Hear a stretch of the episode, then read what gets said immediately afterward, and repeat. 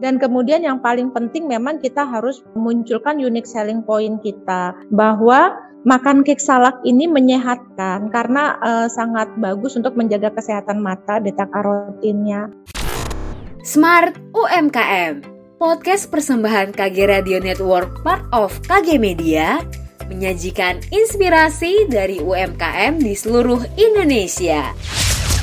Halo sahabat Smart, Selamat datang di program baru Smart UMKM, program yang akan mengangkat kisah inspiratif founder UMKM dari berbagai wilayah di Indonesia.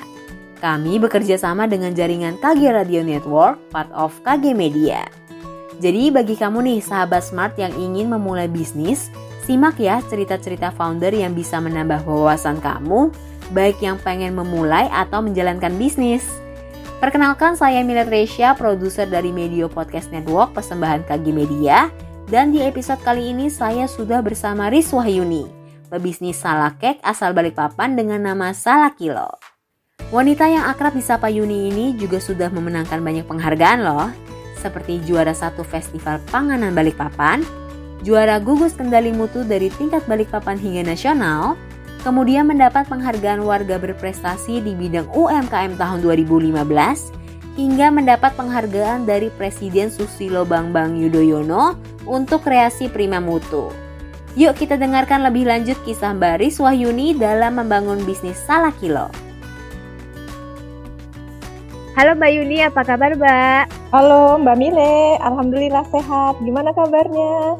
Alhamdulillah sehat Mbak. Gimana Mbak kesibukan akhir-akhir ini? Ya masih seputaran dengan olahan salak ya Mbak Mile di Balikpapan. Wah keren banget ya di Balikpapan udah ada bisnis UMKM salak dan kalau nggak salah nama bisnisnya Salak Kilo. Nah iya. Uh, saya penasaran Salak Kilo itu bisnisnya bisnis apa sih Mbak? Jadi gini Mbak Mile, jadi salah kilo ini kita bangun di akhir tahun 2012.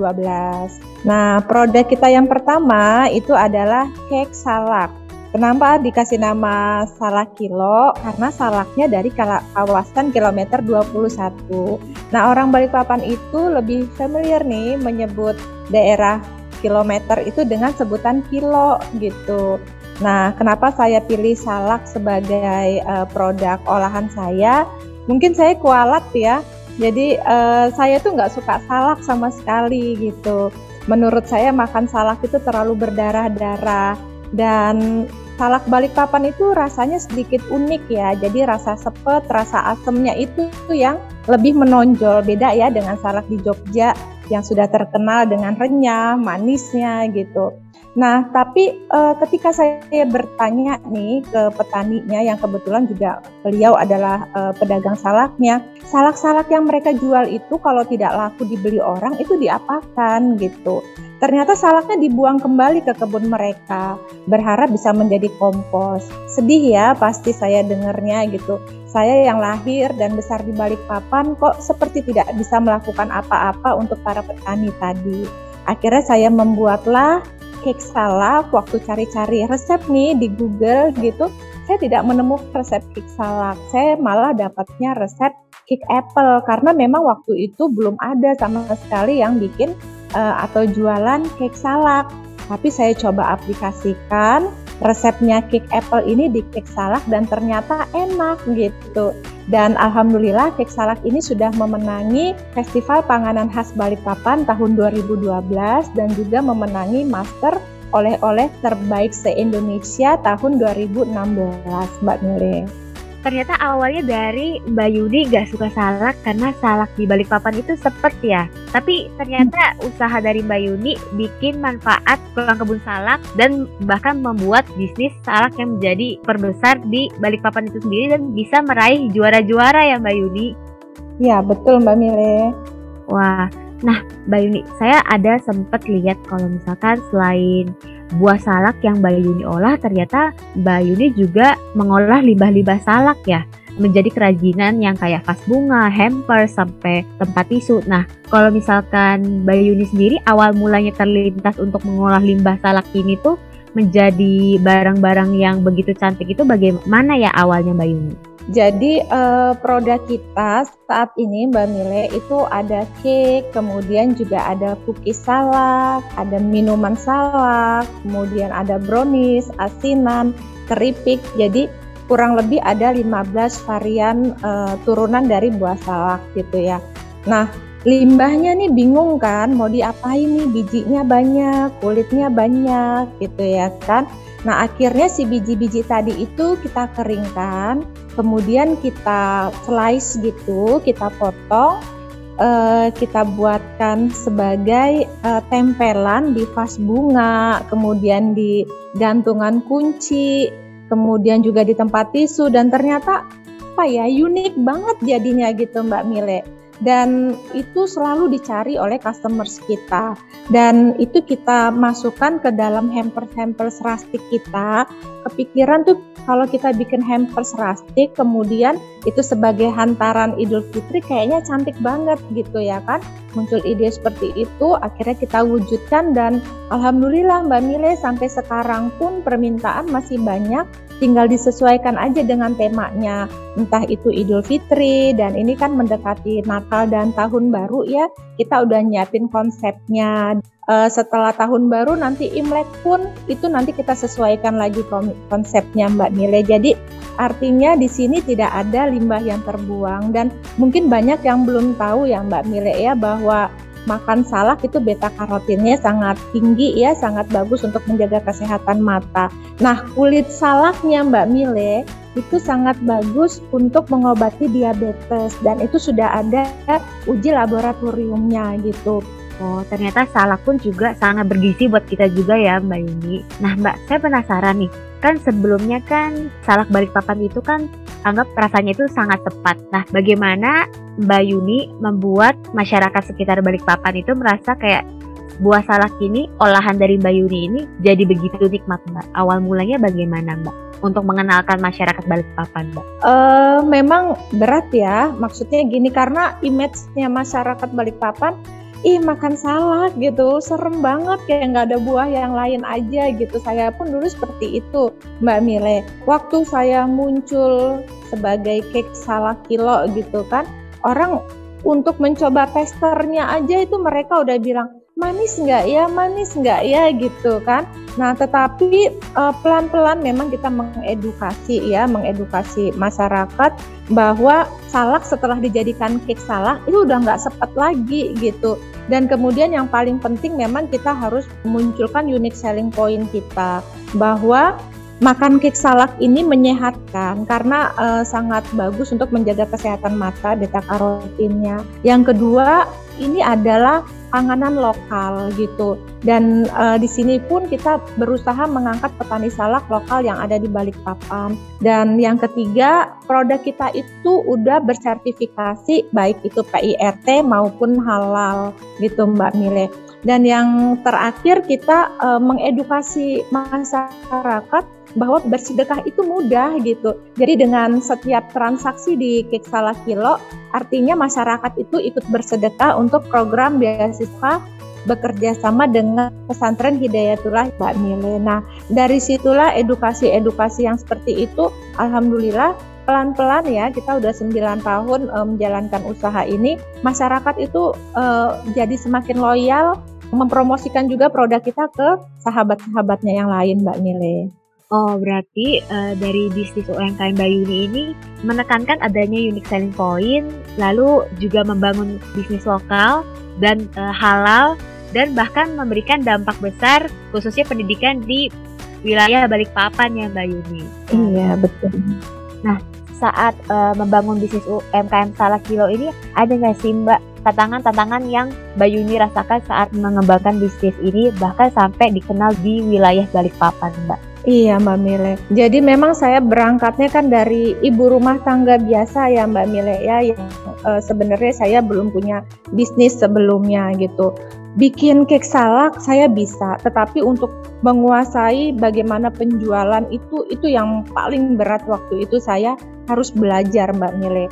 Jadi waktu itu anak saya bilang sama saya ya ibu harus bisa menguasai uh, marketing gitu Karena ujung tombaknya dari penjualan itu adalah marketingnya ibu. Kalau ibu tidak bisa mempromosikan produknya ibu, ibu akan susah dikenal oleh masyarakat.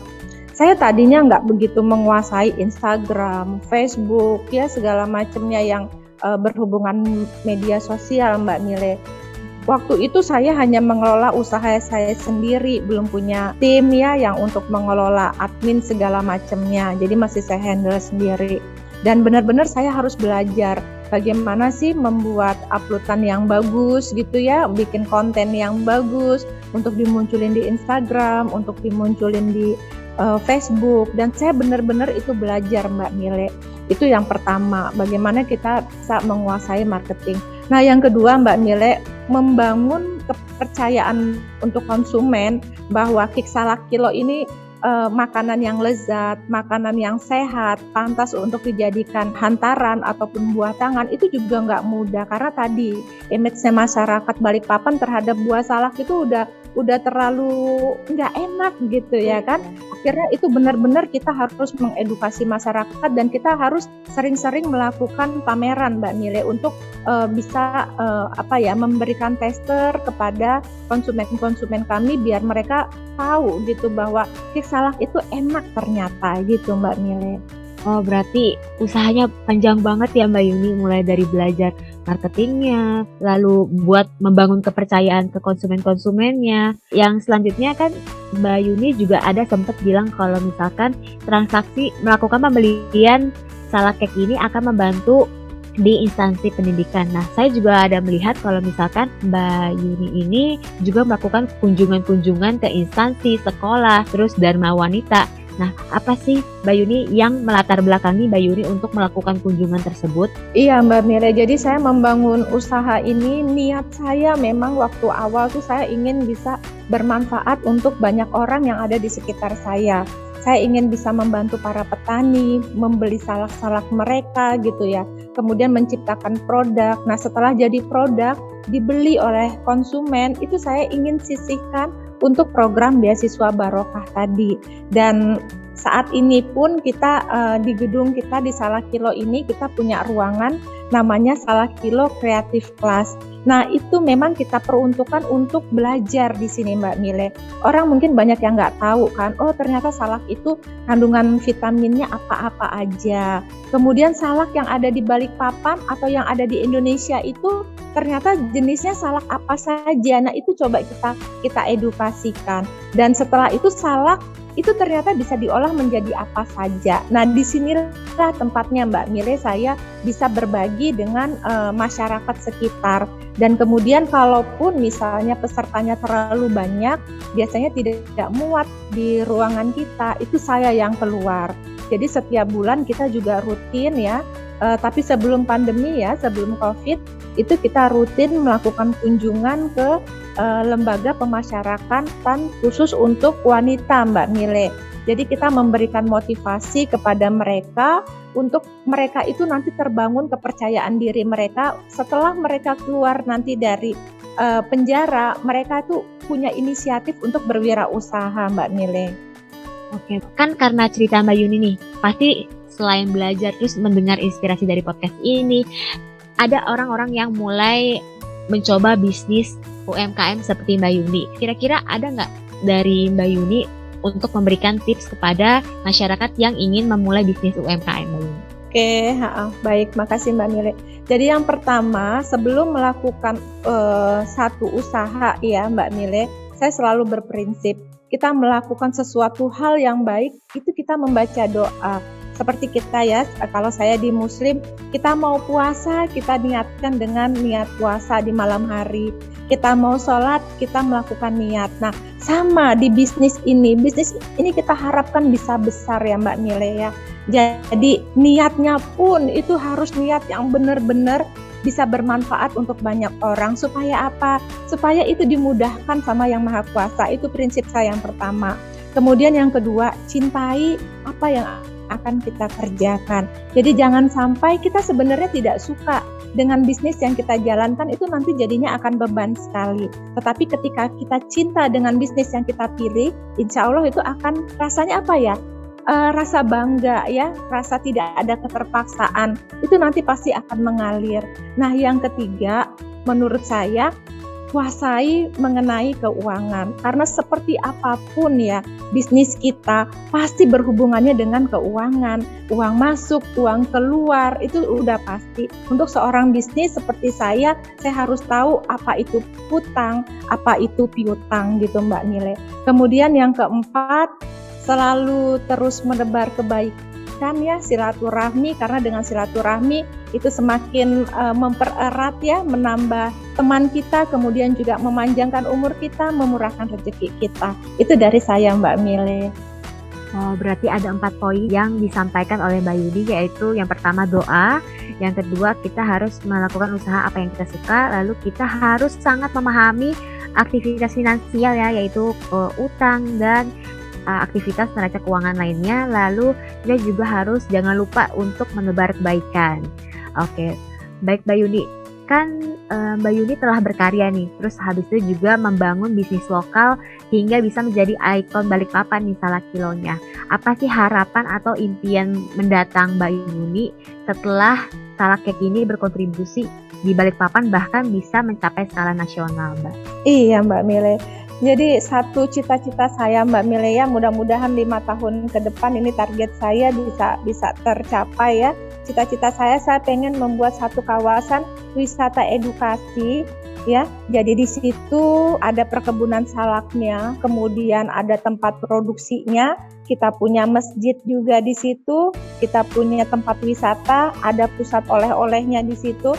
Jadi sebagai transit nanti orang yang datang ke Balikpapan mau menuju ke daerah yang lain ya. Jadi seperti itu Mbak. Jadi target saya lima tahun ke depan saya pengennya punya satu kawasan wisata edukasi sebagai tempat kunjungan baik itu pelajar maupun wisatawan yang datang ke Balikpapan Mbak Mile. Baik Mbak. Kira-kira ada nggak Mbak pesan terakhir sebagai penutup untuk para pendengar Smart UMKM ini Mbak? Uh, pesan saya buat teman-teman ya pelaku UMKM ataupun teman-teman yang baru akan memulai usaha uh, tetap semangat ya mau di kondisi apa pun di kondisi buruk ataupun di kondisi baik kita selalu tetap semangat selalu menebar kebaikan karena apa yang akan kita lakukan saat ini itulah nanti yang akan kita tuai di kemudian hari Mbak Mile. Oke baik terima kasih Mbak Yuni makasih waktunya juga. Luar biasa sekali ya Mbak Yuni ini. Keputusan untuk mengolah salak balikpapan yang sempat menjadi kue yang begitu nikmat ternyata membawa beliau dengan prestasi bahkan bisa berkontribusi besar di bidang pangan di kota Balikpapan ya. Demikian episode Smart UMKM bersama Riz Wahyuni.